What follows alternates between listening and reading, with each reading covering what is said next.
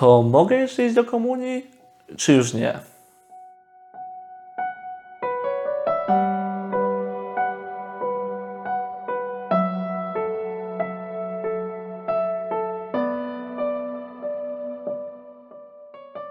Grzech e, to z definicji świadome i dobrowolne złamanie przykazań bożych i kościelnych w rzeczy ważnej.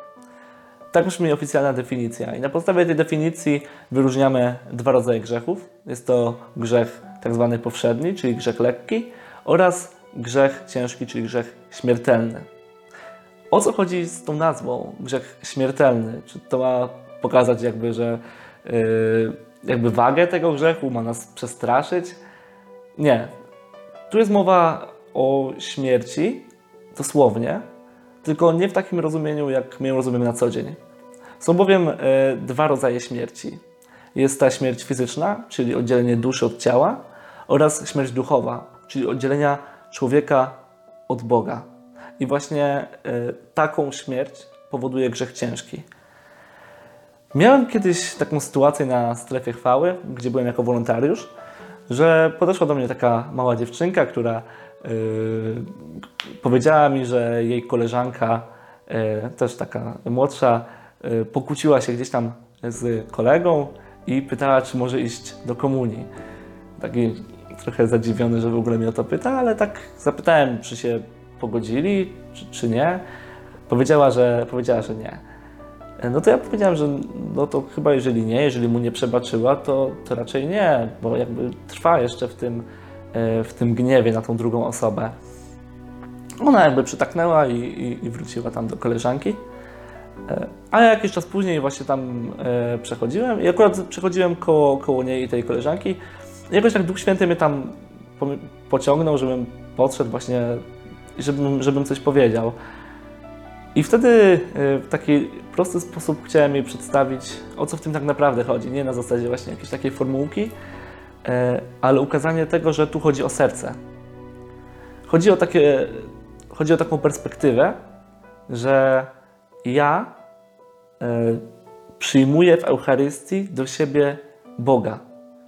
I czy ja mogę się zjednoczyć z tym niesamowitym Bogiem, nieskończonym i pełnym miłości, jeżeli jestem w grzechu. Grzechu, czyli e, takim pełnym przeciwstawieniu się miłości Boga, mając takie serce, jakie mamy, jeszcze nieoczyszczone. I tu pojawia się sedno. W tym wszystkim chodzi o serce, chodzi o miłość. Musimy uświadomić sobie to, czym tak naprawdę jest grzech. Tak jak mówię na początku, można zdefiniować e, regułą bodajże z katechizmu. Co to grzech, najprościej mówiąc, to jest odpowiedzenie nie na miłość Boga. On mówi, kocham Cię, ja mówię do Niego nie. Miałem też takie doświadczenie, że e, czytałem raz e, Pismo Święte, tam był, e, trafił mi się taki fragment z Księgi Jeremiasza, gdzie Bóg mówi Jeremiaszowi, co ma przekazać ludowi.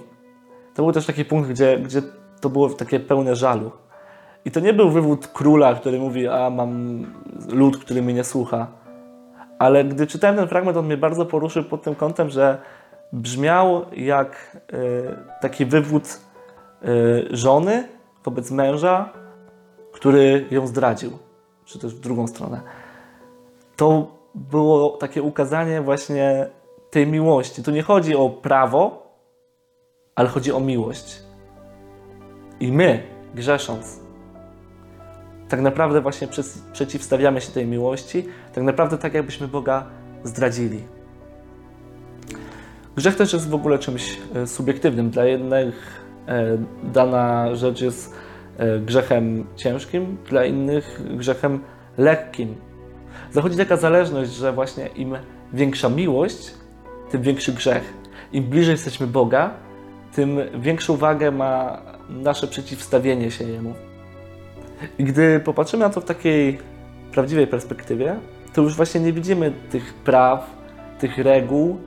To nie jest e, tylko jakaś E, ideologia, ale widzimy miłość, widzimy realną osobę Jezusa Chrystusa, osobę, która nas kocha. I jaka jest nasza odpowiedź na to? I też to, o czym mówiłem, ten czyn jest subiektywny, co nie znaczy, że sami sobie możemy takie rzeczy oceniać. Powinniśmy nasz czyn oczywiście poddawać osądowi sumienia. Za to sumienie też może być różnie kształtowane, więc też nasze sumienie powinniśmy oddawać osądowi słowa i krzyża. Czyli poddawać je osądowi tej właśnie realnej osoby, Jezusa Chrystusa, tego, co On mówił do nas i tego, co się stało na krzyżu, czyli w perspektywie tego nieskończonego wyrazu Jego miłości do nas.